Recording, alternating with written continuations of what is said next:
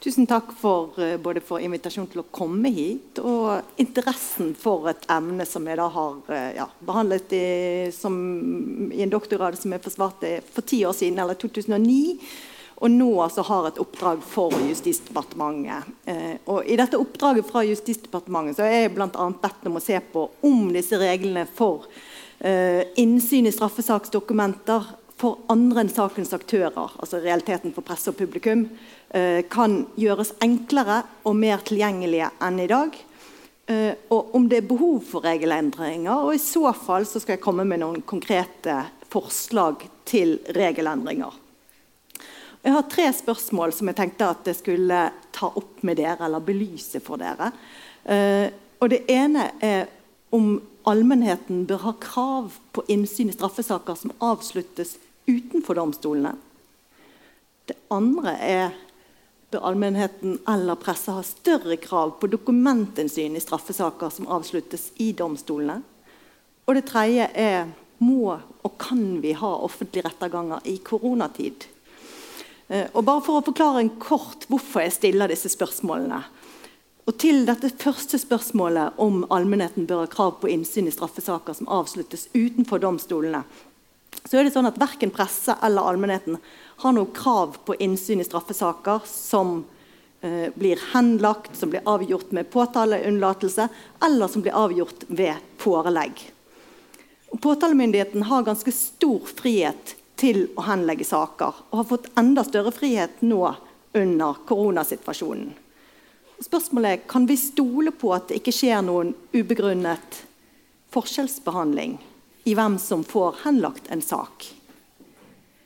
Det andre spørsmålet, som går på om allmennheter eller presse bør ha større krav på dokumentinnsyn i eh, straffesaker, eh, så er det sånn, altså I utgangspunktet så har vi, en, en, man har krav på en offentlig rettergang.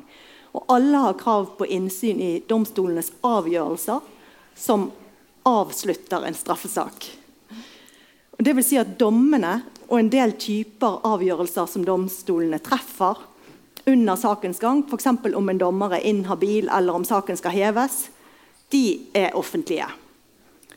Men det er bare aktørene i saken som har krav på de underliggende saksdokumentene som blir ført som bevis. Og det vil si at når det føres bevis i en rettssal, så må pressen da sitte og skrive for harde livet, prøve å lytte så godt de kan og skrive for harde livet Eh, og så må de prøve å gjengi det de har hørt. Spørsmålet er burde de ha krav på innsyn i dokumentene for å kunne eh, gjengi mer korrekt det som blir sagt. Og så til spørsmål tre. Altså, kan vi nekte publikum å være til stede i straffesaker pga. de nye forsamlingskravene? Er det så viktig med presse og publikum? Det er jo ingen tvil om at Vi vet ganske mye om mange straffesaker. Avisene er jo fulle av stoff fra rettssalene våre. Eh, og Én viktig grunn til det er jo at alle har rett til å være til stede i en straffesak. Pressen er til stede i mange saker og gjengir det de har sagt og hørt. Men de har altså ikke lest saksdokumentene, for det har de ikke rett til innsyn i. De fleste har vel gjerne fått med seg at det pågår en straffesak i Oslo tingrett for tiden som gjelder en alvorlig anklage. Anklagen gjelder brudd på straffelovens paragraf 115 om angrep på de høyeste statsorganers virksomhet. Og Grunnlaget for den tiltalen det er en rekke hendelser, skadeverk og trusler som er rettet mot Tor Mikkel Wara da han var justisminister. Og det er justisministerens samboer som er tiltalt. Og I den saken så har vi da 49 dager med åpne rettsmøter fra 8.9. til 13.11. Så får vi vite litt mer om tiltaltes liv, om hvorfor påtalemyndigheten mener at de kan bevise straffskyld, og hvorfor forsvarer mener tiltalte ikke er skyldig. Og Det har vært lest opp fra private Facebook-tråder og fra 30 år gamle dommer mot tiltalte. Og Selv om pressen da ikke har rett til innsyn i dokumenter, så er det ikke forbudt for påtalemyndigheten å gi innsyn. Her ser vi at Aftenposten har fått innsyn i det som kalles for bevisoppgaven i saken.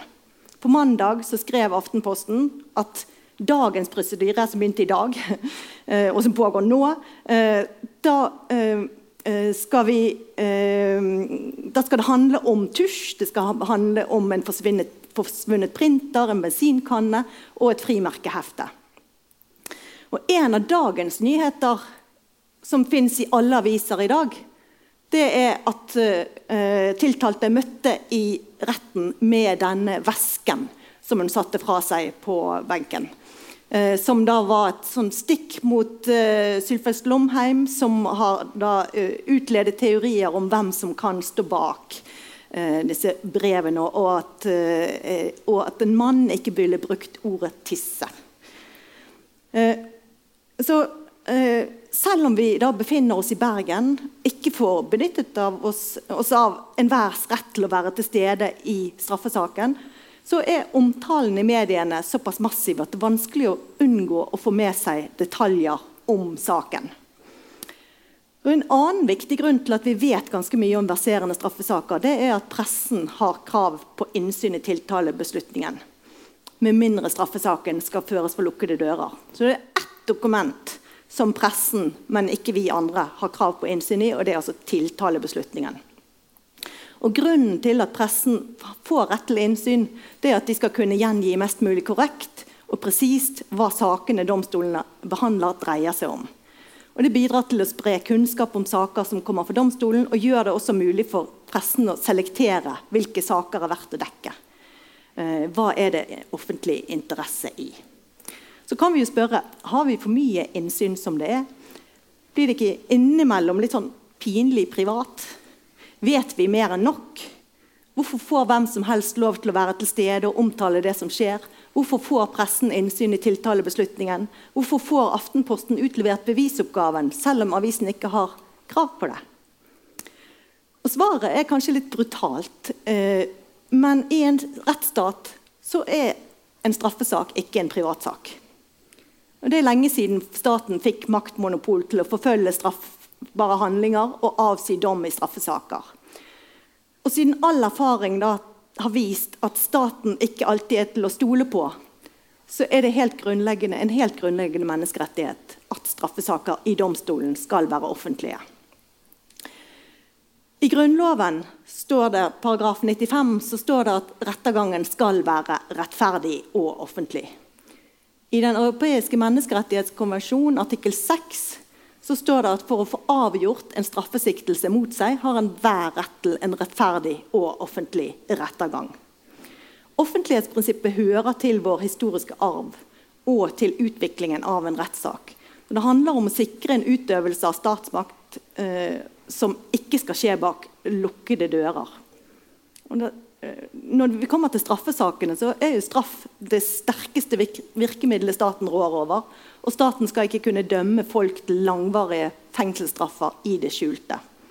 Så offentlighet handler i utgangspunktet om rettssikkerhet for tiltalte. Men tiltalte har jo ganske mange andre rettssikkerhetsgarantier også. Altså Gjelder tiltalen et eh, alvorlig forhold, så har du krav på forsvarer på det offentliges regning. Forsvareren skal ivareta tiltaltes interesser. Og dessuten er det et flertall av lekdommere i dommerpanelet i alle saker der skyldspørsmålet er omstridt. Så vi dømmes til straff av våre likemenn, ikke av fagjurister som kanskje ikke lenger har helt bakkekontakt med det som er rettsfølelsen blant folk flest. Men offentlighetsprinsippet er da en slags ekstra rettssikkerhetsgaranti som skal forhindre at rettergangen blir rigget med forsvarere og lekdommere som mangler integritet til å se fra, eh, saken fra tiltalte ståsted. Så vi får innsyn for å kunne utøve kontroll. Men vi får også innsyn for å kunne føre en opplyst debatt om hvordan strafferettssystemet vårt egentlig fungerer eller ikke fungerer.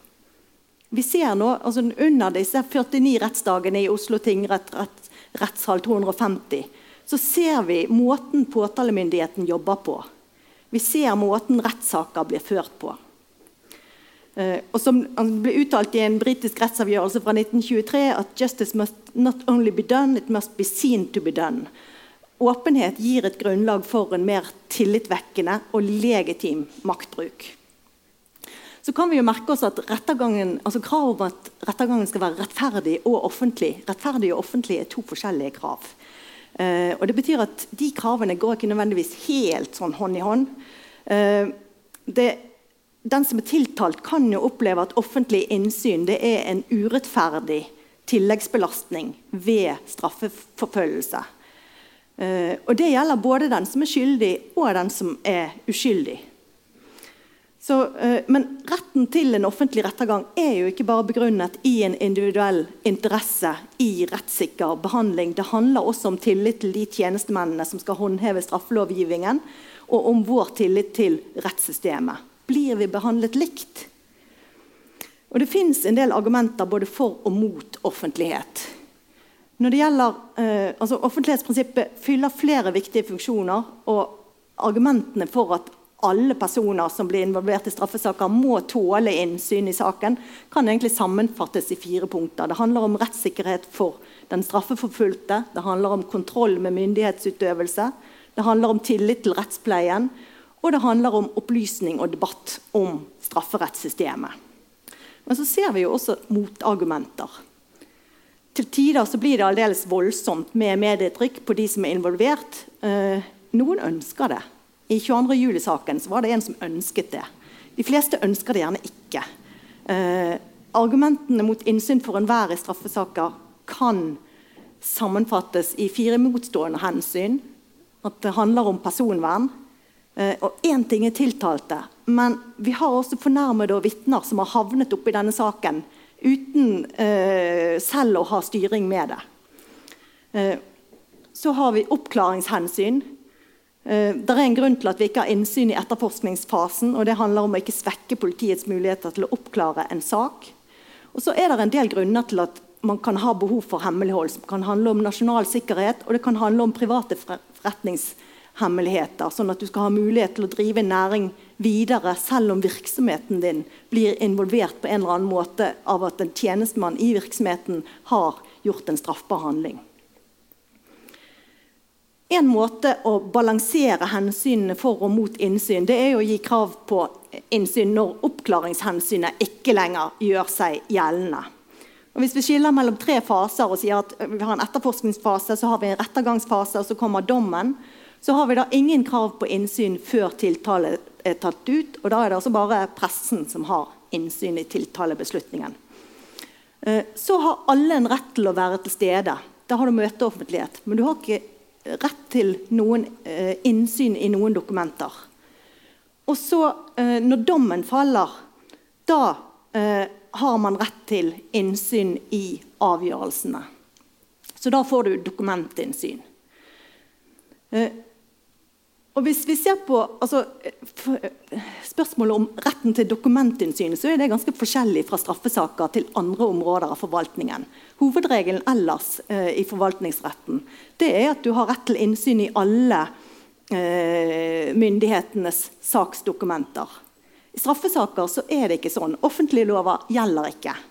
Så har du én regel i straffeprosesslovens paragraf 28 tredje ledd som sier at enhver kan kreve utskrift av en dom i en bestemt straffesak, så langt som det ikke gjelder forbud mot offentlig gjengivelse av dommen, eller dersom det gjelder slikt forbud eller utskrift, nektes etter fjerde ledd innsyn i domslutningen. Så konklusjonen på dommen har du alltid rett til å se. Eh, så gjelder det tilsvarende at du har rett til innsyn i kjennelser som avgjør anker og kjennelser om habilitet, avvisning, gjenopptakelse, erstatning, anledning, forfølgning og heving. Eh, her har, altså Når man ramser opp eh, alle disse alternativene for kjennelser som du har rett til innsyn i En av grunnene til å ramse opp disse her, eh, det er at du har ikke rett til innsyn i en kjennelse om varetektsfengsling. Så det er noen kjennelser du ikke har rett til innsyn i. Som allmennheten og så kan kravet alltid avslås hvis avgjørelsen er eldre enn fem år, eller den som krever utskrift, bare identifiserer avgjørelsen ved siktedes navn. Men altså, de fleste sakene de når jo aldri dette trinnet her, domstrinnet, der saken blir åpen. Og da er vi omsider til det første spørsmålet som jeg lovet å ta opp. Eh, bør allmennheten ha krav på innsyn i straffesaker som avsluttes utenfor domstolene. Og hvis dere ser på denne figuren her, så er det en oversikt over de straffereaksjoner altså Det eh, Statistisk sentralbyrå som har laget denne her ut ifra politiets register. Straffereaksjoner som eh, eh, de, Alle de grønne det er de som avgjøres av straffesaker som avgjøres av påtalemyndigheten. Den, de svarte små flekkene her nederst det er de straffesakene som behandles av en domstol. Og I 2018 så ble ca. 6% av alle straffereaksjoner ilagt av en domstol. Det vil si Alle de andre sakene har blitt avgjort på andre måter av påtalemyndigheten. Enten eh, gjennom en henleggelse, eller gjennom en påtaleunnlatelse, eller gjennom et forelegg. Og Størsteparten av disse søylene det må sies, det er forenklede forelegg. Og det er kanskje noe som dere, Selv om dere var ganske unge her i dag, så er det kanskje noen av dere som allerede har fått en fartsbot. Eh, men da, altså, eh, Forenklet forelegg det er en straffereaksjon som du kan få for mindre alvorlige brudd på veitrafikkloven, for tolloven hvis du har tatt med deg for mye i kvoten. Det gjør vi jo aldri lenger, for vi er ikke ute og reiser. Men, eh, og småbåtloven. Og, som, og, de forenklede foreleggene de registreres ikke i noe strafferegister. Så, og det ble utferdiget 206 000 forenklede forelegg i 2018. Og det var mer enn 75% av. Så du kan si at du kan gå helt ned hit før du begynner å snakke om de liksom, alvorlige straffesakene. Eh, så hvis vi måtte ta vekk disse her forenklede foreleggene, de er ikke så interessante, for de er standardiserte, og det er ikke så store muligheter til å forskjellsbehandle i de tilfellene. Men eh, fortsatt så er det altså sånn at nesten tre fjerdedeler av alle oppklarte straffesaker eh, avsluttes utenfor domstolene. Eh, og det kanskje aller viktigste er de som henlegges. Altså En ganske stor gruppe av sakene henlegges kan vi være sikre på at justice blir done i disse sakene? Er det likhet i loven om hvem som får henlagt en sak? Og det er ikke så godt å si. Vi har ikke noe krav på innsyn i saker som blir henlagt eller avsluttet med påtaleunnlatelse eller forelegg. Og Forelegg det kan altså brukes i alle saker der straffen er bøter. Og Det vil alltid være tilfellet i en sak som handler om straff av foretak. I 2017 var det et oljeselskap som vedtok et forelegg på 85 millioner kroner for grovt skattesvik. Og når en selskap vedtar en bot i denne størrelsesordenen, så handler det gjerne om å slippe rettssak. og Det kan være gode grunner til det. Og Dersom straffeskyldet er kjent, så vil et forelegg som regel gi et godt straffetilbud. Det forelegg handler litt om, altså I motsetning til forenklet forelegg, så kan du ved forelegg da kommer du i en litt sånn forhandlingssituasjon med påtalemyndigheten. Eh, og, og, du mottar på en måte et tilbud om å vedta denne straffen. Eh, og spørsmålet er jo liksom sånn, Når du vedtar en straff på 85 millioner kroner, da handler det kanskje litt om å unngå offentlighet om denne saken også. Men det har vel en viss offentlig interesse at et foretak blir ilagt en bot på 85 millioner kroner. Eh, I Sverige og Danmark har man krav på innsyn i forelegg mot foretak. Eh, I Sverige har man også rett til innsyn i alle forelegg. Det har man ikke i Danmark. I Danmark er det bare disse her foretaksforeleggene man har rett til innsyn i.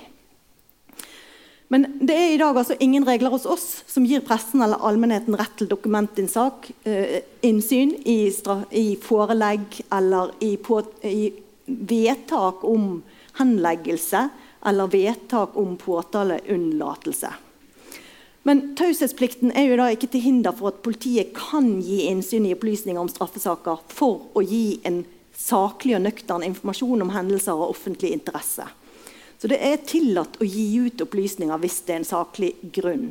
Og I et rundskriv eh, om kvalitetskrav til straffesaksbehandlingen har Riksadvokaten pekt på at de allmennpreventive virkninger av straffesaksbehandlingen, som utgjør en viktig del av straffens begrunnelse, den, den er, det er i stor grad avhengig av at straffesakene omtales av, i media. Det er Riksadvokatens ord. Uh, så en viss åpenhet om strafferettspleien det kan eh, være en betingelse for et velfungerende samfunn. Og Problemet med de skjønnsmessige reglene om at ja, påtalemyndigheten kan gi innsyn, det er at de praktiseres forskjellig fra politidistrikt til politidistrikt, og forskjellig på niv ulike nivåer i påtalehierarkiet. Det er gjerne vanskeligst å få innsyn på det laveste nivå hvis du klager en, en nektelse av innsyn til høyere, til statsadvokatembetet, så har du større sjanse i hvert fall er det det journalisten sier, at da har du noe større sjanse til å få innsyn. Eh, jeg vet ikke om dere husker Dere var så unge her i dag, så jeg vet ikke om dere engang husker denne her eh, cruisesaken. Men her ser dere altså Bergens Tidende feire seg selv etter at de mottok Scoop-prisen i 2016. Saken, den saken var et resultat av gravejournalistikk for å finne ut hva som egentlig var ordførerens rolle da regjeringen valgte å endre regelverket, sånn at et cruiseskip som seilte langs norskekysten med utenlandske sjøfolk, skulle kunne få ha norsk flagg Eh, og Bergen i hekken. Eh, og eh, dette var jo ikke noe, dette var jo ikke en sak som Bergens Tidende hadde dokumentinnsyn i. Men avsløringene fra BT førte da til at ordføreren, havnesjefen og en skipsreder ble siktet for korrupsjon. Og BT fikk da eh, Skop-prisen i april 2016. I desember samme år ble denne saken henlagt av Hordaland statsadvokatembeter pga. bevisets stilling. Og henleggelse på bevisets stilling det er en henleggelseskode som gir uttrykk for at politi og påtalemyndighet ikke har tilstrekkelige beviser på hånden til at de ser seg i stand til å oppfylle det strenge beviskravet i straffesaker, der det ikke kan være noen rimelig tvil om at de tiltalte er skyldige. I, 20, I, mars 2017, altså noen måneder etter denne henleggelsen, så ba Bergens Tidende om innsyn i straffesaksdokumentene i den henlagte saken. Og Begjæringen om innsyn ble da begrunnet med at Cruise-saken hadde stor offentlig interesse. Eh, den reiste prinsipielt viktige spørsmål om strafferettslige og etiske grensedragninger i korrupsjonssaker. Uh, og Forholdene som ble etterforsket, dreide seg om handlinger begått av ordføreren i Bergen, som er kommunens øverste folkevalgte tillitsperson. Og Saken gjaldt også havnedirektøren, som ledet den offentlige interkommunale bedriften Bergen Omland havnevesen, inntil han ble suspendert og senere oppsagt pga. brudd på Bergen og Omlands havnevesens etiske retningslinjer.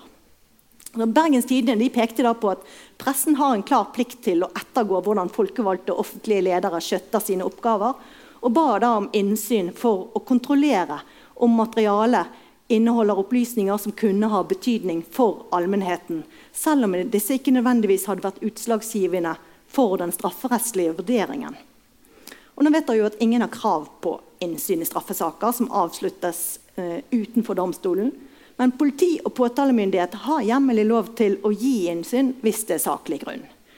Og Politiinspektør Gunnar Fløystad han gjorde en vurdering som det er ganske få polititjenestemenn på grunnplanet som tør å gjøre. Han innvilget søknaden. Han mente det var saklig grunn til å gi innsyn. Og Begrunnelsen han ga, var følgende. Han skriver at denne saken har vært gjenstand for stor medieomtale, og de siktede har alle uttalt seg offentlig, noen mer enn andre. På mange måter kan sakens medieomtale diskusjon tilsi at pressen gis innsyn for eventuelt å kunne gi korrigerende informasjon til allmennheten om saken. Det er samtidig ikke tvilsomt at saken nødvendigvis har vært en stor belastning for de involverte. Så etter en konkret vurdering er det imidlertid vanskelig å se at dette hensynet veier tungt nok til at innsyn nektes i sin helhet. Det er derimot naturlig at det for hvert enkelt dokument foretas en vurdering av om hele eller deler av dokumentet bør unntas av personvernhensyn. Så jeg gir etter dette innsyn i saken, men slik at et dokument eh, knyttet til skjulte straffeprosessuelle tvangsmidler, dvs. Si sånn telefonavlytting, eh, som hadde vært brukt, eh, de må unntas. Det må videre foretas en gjennomgang av sakens dokumenter for å vurdere om deler av eller hele dokument må unntas av personvernhensyn, herunder personalia-rapporten og andre dokumenter som skal arkiveres særskilt. Det er noen regler som politiet har for de særlig sensitive personopplysningene. Eh, men alle avgjørelser om innsyn kan påklages. Og I dette tilfellet tok Jon Christian Elden, som var forsvarer i saken, affære. Så Elden klaget beslutningen om å gi innsyn innenfor høyere påtalemyndighet. Og beslutningen om å gi innsyn til Bergens Tidende ble omgjort av statsadvokaten etter nesten et år saksbehandling. Eh, og det ble bl.a. lagt vekt på at aktørene i saken hadde behov for å legge saken bak seg. Så I den høyere, på høyere nivået i påtalehierarkiet så vurderte man det sånn at nei, nå er personvernhensynene er viktigere i denne saken enn det politiinspektøren hadde vurdert det som. Så Bergens Tidende fikk aldri innsyn i den saken. Og så sitter vi igjen da med spørsmålet Slapp havnesjefen, ordføreren og skipsrederen tiltale av gode grunner? For meg så er det at Fløystad sa ja til dokumentinnsynet fra Bergens Tidende, en veldig tillitvekkende beslutning. Da tenker jeg at Her har vi et politi som ikke har noe å skjule. Han var villig til å gi innsyn i dokumenter som kunne vise at dette holder ikke til domfellelse. Derfor, handler, derfor måtte vi altså her, her hvis, eh, det, det, var gode grunner til at denne saken ble henlagt. Kanskje det ikke var i nærheten av å holde engang. Og hva vet jeg? Eh, jeg blir egentlig mer nysgjerrig på hva det er forsvareren ikke vil skal komme ut. Handlet det om personvern, eller handlet det om noe mer? Politiet sitter på sterke maktmidler, og påtalemyndigheten har relativt vide skjønnsfullmakter når det gjelder henleggelse av saker. La være å ta ut tiltale. Eh, en sak kan henlegges med begrunnelsen av at det intet straffbart forhold, at gjerningspersonen er ukjent, at bevisene ikke er tilstrekkelig til domfellelse, sånn som i denne saken her, eller av kapasitetsgrunner hos politiet. Og Det kan jo neppe være tvil om at hvordan politiet forvalter sine ressurser og rår over sine maktmidler og utøver sitt skjønn, er et spørsmål som bør være, kunne være gjenstand for debatt i samfunnet. Uh, uten muligheter for innsyn og kontroll så kan det være vanskelig å ha tillit til at det ikke tas utenforliggende hensyn eller forekommer usaklig forskjellsbehandling i valg om å etterforske, henlegge, unnlate påtale, utferdige forelegg eller reise tiltale for domstolene. Samtidig det er alltid en annen side. Uh, det, mange av sakene som uh, politiet sitter med, handler om anmeldelser som kan være grunnløse. mange av sakene blir lite etterforsket. Så det kan være eh, gode grunner til å være litt varsom med å gi innsyn på etterforskningsstadiet. Det handler både om personvern og det handler om å finne en balanse mellom personvern og myndighetskontroll. Så altså, Når jeg sitter og skal gi en anbefaling nå til Justisdepartementet, så kommer jeg ikke til å anbefale at det gis rettskrav på innsyn i eh, saksdokumenter på etterforskningsstadiet. Men jeg kommer til å anbefale foreløpig, for mitt foreløpige standpunkt. Det er at det bør være innsyn i de formelle påtalevedtakene. Altså beslutt, henle, ofte, altså det Innvendingene som politiet har, det, det er jo at sier, ja, men eh, mange saker så er det bare en kode. Vi kommer ikke med noen begrunnelse. Vi bare velger en kode. Eh, men da må det være krav på innsyn i den koden. Det må være krav på innsyn i hvorfor denne saken er blitt henlagt. Og så må det være krav på innsyn i forelegg. Det er i hvert fall mitt foreløpige standpunkt. Jeg har jo ikke levert denne rapporten ennå. Men eh, spørsmålet om innsyn i de underliggende saksdokumentene og Det var jo det det var tale om i denne cruisesaken som Bergens Tidende ville ha innsyn i. Det må fortsatt avgjøres ut ifra en skjønnsmessig vurdering, fordi sakene er så mangeartede at det er vanskelig å gi noen generell regel. Eh, men i dag er terskelen for å gi innsyn ekstremt høy, og det er for tilfeldig om innsyn blir gitt ut ifra hvilken polititjenestemann du treffer på. Eh, så for å hjelpe tjenestemennene som skal vurdere begjæringer om innsyn, så, at, så, kommer jeg til å foreslå at det legges inn noen retningslinjer for vurderingen i loven. Eh, som, altså, når det gjelder saker av stor offentlig interesse, eh, og det gjelder alvorlige lovbrudd begått i offentlig tjeneste, så tenker at da skal det mye til før personvernhensyn skal kunne utkonkurrere eh, en, eh, begrunnelsen for å altså skal kunne begrunne at du nekter å gi innsyn. Så det var så langt jeg kommet på det punktet. Eh, så er spørsmål to bør allmennheten eller presse ha større krav på innsyn i straffesaker som avsluttes i domstolene. Og da er spørsmålet, altså Hvorfor skal vi egentlig vurdere å endre de reglene vi har på det punktet når vi kommer til rettergangen? Har vi ikke nok innsyn i straffesaker som det er når saken står for domstolen? Men det er tre argumenter som kan tale for en endring av dagens regler. Det ene er at det er mye større adgang til innsyn i saksdokumenter i sivile saker enn i straffesaker. Det andre er at du har fått en digital dokumenthåndtering som egentlig har endret premissene som vi har for reglene om dokumentinnsyn, som før har måttet, måttet håndteres på en annen måte. Eh, med postforsendelse til dels, og, og, og, eh, man har fortsatt regler om at alle tingretter skal ha dommene sine i en fysisk pressemappe eh, på eh, tinghuset. Som, der alle journalister skal kunne komme inn, bare journalister, da, og få kikke i denne pressemappen. Eh, men det er jo ikke en måte som vi kommuniserer på lenger.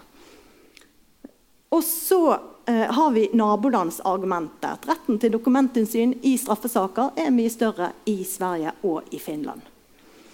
Så La oss begynne å sammenligne med retten til eh, innsyn i sivile saker. Tvistelovsargumentet. Og I sivile saker så er det sånn at Tvisteloven, som regulerer prosessen i, eh, for sivile saker, der gir Paragraf 14-2 allmennheten krav på dokumentinnsyn i rettsbøker, rettsmeklingsprotokoller, rettsavgjørelser og sakkostningsoppgaver. Også gir de eh, oss krav på innsyn i bevisoppgaver, forslag til fremdriftsplan, skriftlige redegjørelser og bevis som er påberopt under muntlige forhandlinger. Og hjelpedokumenter, altså sånne eh, skisser over eh, frem, Eller eh, ja, hvis man lager kart eller gir, lager noen eh, tidsplaner som man skal vise til for retten for å hjelpe til å forklare noe faktum i saken. Så alt dette her har man altså krav på innsyn i.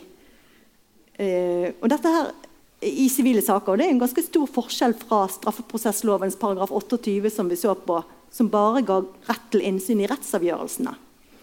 Og det er særlig grunn til å merke seg dette her med bevisene som er påberopt under muntlige forhandlinger. Hvor det betyr at journalistene i sivile saker så trenger du ikke å sitte der og skrive som en gal. Eh, du vet at her kan du be om innsyn i det som blir lest opp. Så det, dette kan du få ut. Eh, det er gitt en del unntak eh, av hensyn til personvern, av hensyn til forretningshemmeligheter, av hensyn til rikets sikkerhet. Men det er likevel eh, betydelig større adgang til å føre kontroll med domstolenes behandling i sivile saker enn i straffesaker. Og er det en velbegrunnet forskjell her? Altså når vi ser på disse reglene, så er det grunn til å være oppmerksom på noen grunnleggende prinsipper som gjelder for saksbehandlingen i domstolen. Utgangspunktet både i straffesaker og i sivile saker er at rettergangen skal være muntlig, eh, og domstolen kan bare bygge på de bevisene som har vært fremlagt direkte for retten. Og Det er en ordning som vi har hatt helt siden 1800-tallet. En av begrunnelsen for, for, denne ordningen det var at det legger til rette for offentlig kontroll med rettergangen. Hvis dommerne bare kan bygge på det som blir fremlagt muntlig, så har publikum samme kunnskapsgrunnlag som dommeren som skal treffe avgjørelse i saken. Og ordningen ble også begrunnet med at det var effektivt, for da slipper dommeren å forberede seg. Kan komme som et blankt ark til rettssalen, og så skal du få fremlagt saken der og da. Men ordningen stammer fra en tid med mindre skriftlig dokumentasjon enn i dag. Og den eh, tvisteloven eh, som trådte i kraft i 2008, ble laget i 2005, eh, den eh, prøvde å, å, legge til rette for mer skriftlig saksbehandling i sivile saker. Det har vi ikke i straffesaker. Men det tar lang tid å gjennomføre muntlig saksbehandling. Og i sivile saker er det åpnet for at deler av forhandlingene kan skje skriftlig. Og Noe av på en måte forhandlingen i den prosessen var at ok, hvis vi gjør noe skriftlig, så må også eh, publikum ha rett til innsyn i det som bare behandles skriftlig. Ellers så blir ikke rettergangen offentlig. Så har vi det digitale argumentet. Domstolene våre er i ferd med å bli digitale. og Det gjør spørsmål om gjennomføring av innsyn til dels enklere og til dels mer betenkelig. Og tradisjonelt har det vært sånn at Påtalemyndigheten kommer med, til retten med sine saksdokumenter, fremlegger bevisene, og så tar de saksmappen med seg og går igjen. Så dommeren eh, kan be om utlån av saksdokumentene, men eh, har ikke noen plikt til det. Og i økonomiske straffesaker så eh, var det før gjerne mangfoldige kiloer saksdokumenter, dokumentpermer, som måtte transporteres frem og tilbake til rettsmøtene. Men nå skjer altså partene, eller kommunikasjonen mellom domstolen og partene eh, den skjer digitalt. Og Påtalemyndigheten kommuniserer via Altinn. Eh, og det er anbefalt at det skjer i form av en slags sånn digital kopisak der eh, man sammenstiller sakens dokumenter. Mens forsvarere og bistandsadvokater de skal kommunisere via det som heter Aktørportalen, som også brukes i sivile saker. Og det er en nettportal som tilbys av alle domstoler, og som ble gjort obligatoriske straffesaker eh, for et år siden. Og det er enklere å dele digitale saker når noen ber om innsyn. Men det er også større spredningsfare knyttet til deling av digitale saksdokumenter. Eh, men taler, altså denne eh, digitaliseringen som skjer i domstolene, taler i hvert fall for å vurdere reglene for gjennomføring av innsyn på nytt. Fordi det etter dagens regler eh, f.eks. er krav om disse fysiske pressemappene, som gir liten mening. Så har vi dette nabolandsargumentet. Hvis vi sammenligner Danmark og Norge med Sverige og Finland, så finner vi en del forskjeller. Og den viktigste eh, forskjellen er at spørsmålet om innsyn eller ikke innsyn i Sverige og Finland blir regulert av de alminnelige reglene som gjelder om offentlighet i forvaltningen. Det er liksom den samme lovgivningen man bruker, men det er ikke noe unntak for rettspleien for de reglene. I, Danmark og Norge har vi laget dette tosporete systemet der vi sier at rettspleien er unntatt fra reglene om offentlighet i offentligloven, og her gjelder helt særegne regler. Uh, og Danmark gir krav på innsyn i noen flere dokumenter i straffesaker enn oss. F.eks. disse her uh, uh, foreleggene mot foretak. De gir også krav på innsyn i rettsbøker. De gir innsyn i i sånn hjelpedokumenter som blir brukt i straffesaker. Det gir de rettskrav på, mens det gjør ikke vi. Eh, men i Danmark gir, de innsyn i veldig kort tid. Det gjelder en ettårsgrense for retten til innsyn i rettsavgjørelser. Hos oss gjelder det en femårsgrense. Så her er en del variasjoner. Eh, Sverige går jo definitivt lengst i å gi innsyn i de underliggende saksdokumentene i straffesaker. Fra det øyeblikket tiltale er tatt ut, for en domstol, så blir alle saksdokumentene i utgangspunktet Uh, som, uh, Med mindre de er belagt med såkalt sekretess, altså en, en egenstemplet hemmelighet, uh, så, så, blir de åpne for innsyn. Og det gjelder før, før påtalemyndigheten har begynt å føre saken for retten. Altså før det har blitt lagt frem som bevis. Og også da hvis, du, hvis påtalemyndigheten finner ut at dette dokumentet skal ikke føres, så har altså, Enhver har rett til innsyn i alt, og du, ikke, du trenger ikke oppgi noe formål. Eh, du, kan, du, trenger ikke oppgi noe navn. Du kan ringe til, eh, til tingretten og si du heter Kalle Anker, du vil ha innsyn i den saken, og du får det. Eh, så den, Sverige er det landet i Europa som er mest liberal når det gjelder å sikre allmennheten krav på innsyn og sikre medier et vern mot inngrep fra myndighetene. Og tradisjonen hviler på den eldste eh, av de fire grunnlovene som Sverige holder seg med, trykkfrihetsforordningen fra 1776. Og etter mitt syn så er den ordningen som man har i Sverige, den er vanskelig å akseptere hvis du ikke har vokst opp med en tradisjon med ekstremt fokus på ytringsfrihet og offentlighet som de aller viktigste forutsetningene for et velfungerende demokrati. Eh, for det gir seg til utslag i en del praksiser som er vanskelig å forene med vår tids krav og forventninger til personvern. Et eksempel er denne her Lexbase, som du finner i eh, Sverige. Her kan, dette her er altså en database der du kan søke deg frem til rettsavgjørelser i dommer, eller eh, rettsavgjørelser på navn. Eh, du trenger ikke vite personnummer. Du kan også søke på et sted. Og så får du frem alle dommene på personer som er straff, straffedømt i det området. Så her har du på en måte et sånn Og dette her har man hatt diskusjon om i, i Sverige, men funnet ut at dette, innenfor det, den reguleringen man har i Sverige, så kan man ikke forby dette. Lexbase har nemlig et såkalt utgiverbevis da, som medium. Og da er det beskyttet av ytringsfrihetsgrunnloven som gjelder i Sverige. Og Det er i strid med EUs personvernforordning å gjøre personopplysninger om straffedommer tilgjengelig på nett på denne måten. Men Lex, siden da Lexbase er beskyttet av ytringsfrihetsgrunnloven, eh, så er de beskyttet av, en, av et normsett som står over personvernforordningen i EU. Så det, eh, Hver gang det er snakk om å gjøre inngrep i ytringsfriheten med EU-regulering, så, dra, så uh, drar det ministre fra Sverige uh, til Brussel for å sørge for at det kommer inn unntak i reguleringen for uh, grunnlovsvernet ytringsfrihet og informasjonsfrihet. Så Sverige jobber hardt for å opprettholde den, det fokuset på ytringsfrihet og offentlighet som de har i dag. Det er også eh, Et annet altså, eh, eksempel fra Sverige er at altså, Sverige har lydoffentlighet fra alle rettssaker. Alle avhør i retten blir tatt opp på bånd eh, av domstolen. Og alle kan be om kopier av lydbåndene. til sånn selv, koster ca. 100 kroner for et eh, lydbåndopptak. Eh, og en av de aller mest populære podkastene i Sverige uh, er denne Rettergangspodden og det er virkelig en ekte true crime.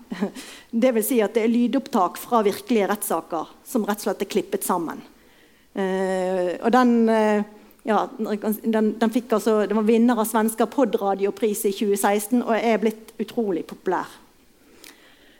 Så Sverige går ekstremt langt i å verne ytringsfriheten med en særstilling og allmennhetens rett til innsyn. Ellers i Europa er den dominante holdningen at uh, ytringsfrihet og offentlighet er menneskerettigheter som avveies mot andre rettigheter, deriblant retten til privatliv. Og behandlingen av en straffesak kan dreie seg om mange private forhold. Men i en stat der det er det offentlige som straffeforfølger, og det offentlige som straffer på vegne av fellesskapet, så tilhører likevel ikke straffesaken privatlivet. Så behandlingen av en straffesak skal foregå i, eh, for åpne dører og i det offentlige rom. Men det vanskelige spørsmålet dreier seg egentlig om hvilke former for offentlighet skal vi tillate. Hvordan skal vi sørge for at offentlig innsyn bidrar til å få opplyst straffesaker tilstrekkelig til at vi unngår justismord, og tilstrekkelig til at vi får gode offentlige diskusjoner om hvordan strafferettssystemet vårt skal fungere, men samtidig ikke gjør saksbehandlingen unødig belastende for de som er involvert. Inge D. Hansen, som er rettsreporter i Aftenposten, han gjorde i, han, gjorde en, i 2006 en sånn komparativ studie av åpenhet i domstolene der han eh, dro rundt og snakket med eh, påtalemyndigheten og presse i Finland, Sverige, Danmark og Norge. Eh, og eh, han, eh, et, et, resultat det, det, er en ganske fin, eh, fin studie der han forklarer veldig grunntrekkene og forskjellene på reglene. Og han endte opp med å gi Sverige og Finland seks, Norge tre og Danmark én. Ehm, men Hans, altså Inge Hansen han argumenterte i sin rapport for at i det minste dokumentbevis som er fremlagt i retten, må være offentlige, slik at pressen kan kreve dokumentet utlevert, og at noe annet bryter med det alminnelige prinsippet om offentlighet i rettergangen. Og det handler litt om hvor mye som i dag er skriftlig dokumentbevis, eh, og hvor håpløst det er for journalistene å sitte og skrive som en gal. Eh, når, når, du faktisk har den regelen i sivile saker, at du kan få levert ut dokumentene som det blir lest opp fra. Så jeg er enig i at det, at det bør være hovedregelen også i, i straffesaker. Uh, men det er jo også, liksom, det må nok gjøres noen flere unntak i straffesaker fordi at det er en del mer sensitive personopplysninger som kommer frem i en del dokumenter. Uh, så reglene, uh, Det er vanskelig å bruke de helt de samme reglene for sivile saker og straffesaker. Siste spørsmål. må og kan vi ha offentlige retterganger i koronatider? Altså, domstolene er en samfunnskritisk tjeneste som eh, må opprettholde sin virksomhet også i krisetid. Prosessordningen bygger jo da på at alle parter skal samles i ett rom. Alt retten skal kunne bygge på i sin avgjørelse. Eh, det skal da sies innenfor disse fire veggene. Det, så det tradisjonelle prinsippet om at saksbehandlingen skal være muntlig, den skal være offentlig og den skal være umiddelbar, det har ikke vært så lett å tilfredsstille nå under eh, koronatidene. Med avstandskravene som gjelder. Da Norge stengte ned 13.3, så sendte Domstoladministrasjonen ut informasjon om at domstolene umiddelbart skulle redusere sin virksomhet til det aller mest nødvendige. Det, altså det, det som ble pekt om at det, det domstolene måtte gjøre, de må varetektsfengsle og de må føre domstolskontroll med straffeprosessuelle tvangsmidler, dvs. Si tillatelse til eh, ransaking og beslag.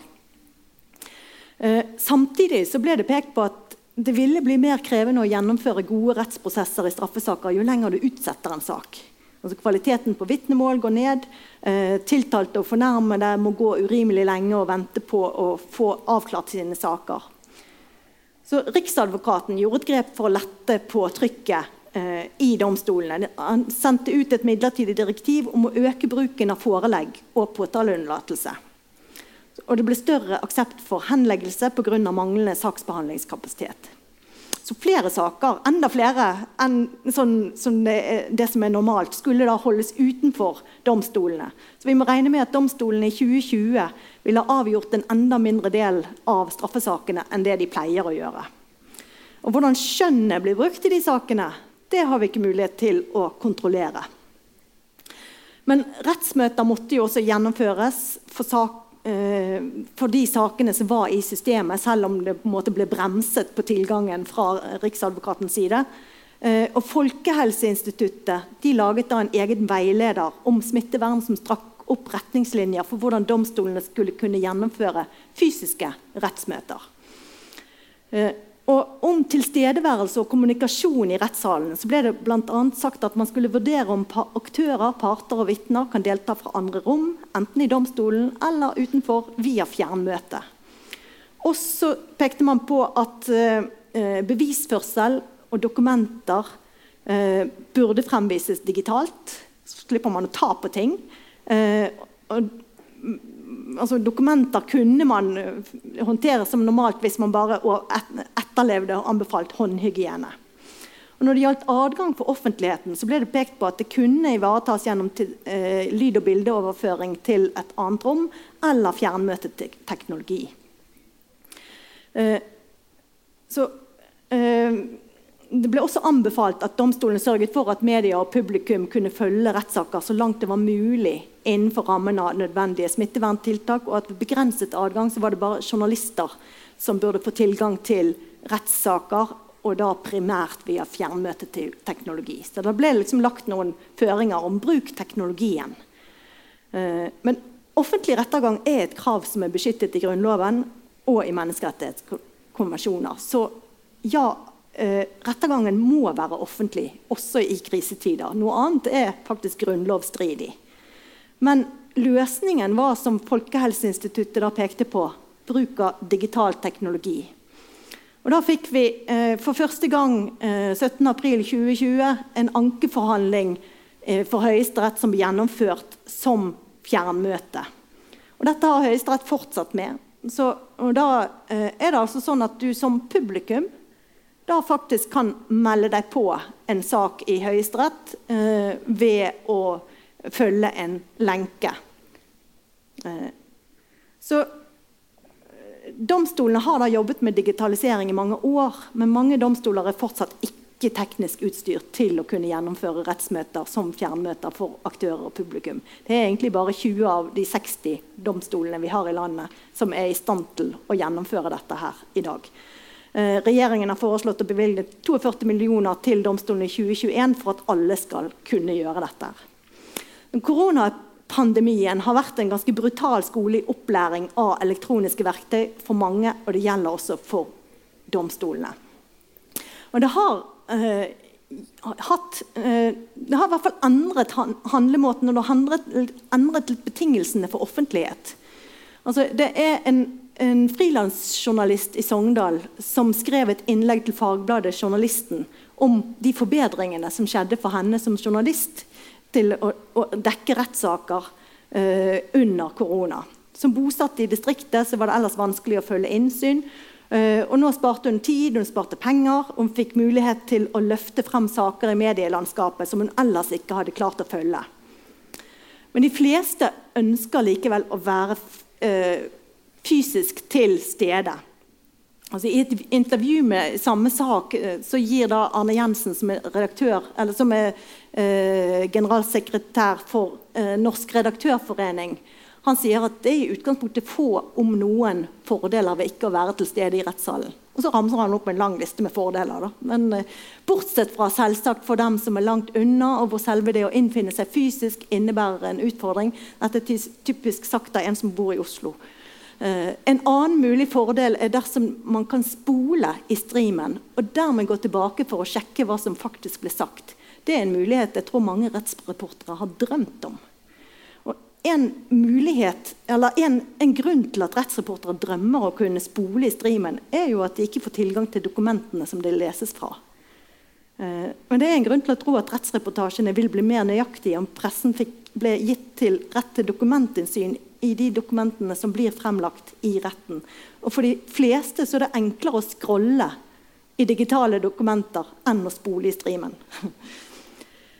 Avslutningsvis, altså det har kommet noe konstruktivt ut av koronakrisen når det gjelder digitalisering av domstolene. Og dette har betydning for diskusjonen om offentlighetsprinsippets innhold fremover. og for det arbeidet jeg holder på med. For hva skal vi ta vare på? Hva skal være hovedregel om offentlighet når korona slipper taket? Skal domstolene ha en, en plikt til å gi alle som ønsker innsyn, fjerntilgang via videolink i alle saker? digital offentlighet er jo en form for utvidet offentlighet. Eller bør, bør, domstolen kunne vurdere selv å gi utvidet offentlighet i noen saker? Eller er det pressen som bør kunne kreve utvidet offentlighet i noen saker? Her er det liksom noen, noen eh, retningslinjer som bør gås opp. Så Hvordan et rettsprinsipp om offentlig rettergang som ble utviklet på 1800-tallet, skal løses fremover på 2000-tallet, det er egentlig ikke helt enkelt å besvare. Oppdraget jeg har fått fra Justisdepartementet handler om å finne reguleringsalternativer som gjør allmennhetens innsyn i straffesaker meningsfull for strafferettspolitikken som føres her i landet, og i en digital tid uten at noen av aktørene i saken utsettes for inngrep i personvernet som ikke står i forhold til det samfunnet kan oppnå med at det, gir, det blir gitt innsyn. Og det er ingen helt enkel oppgave. Men takk for at dere ville lytte.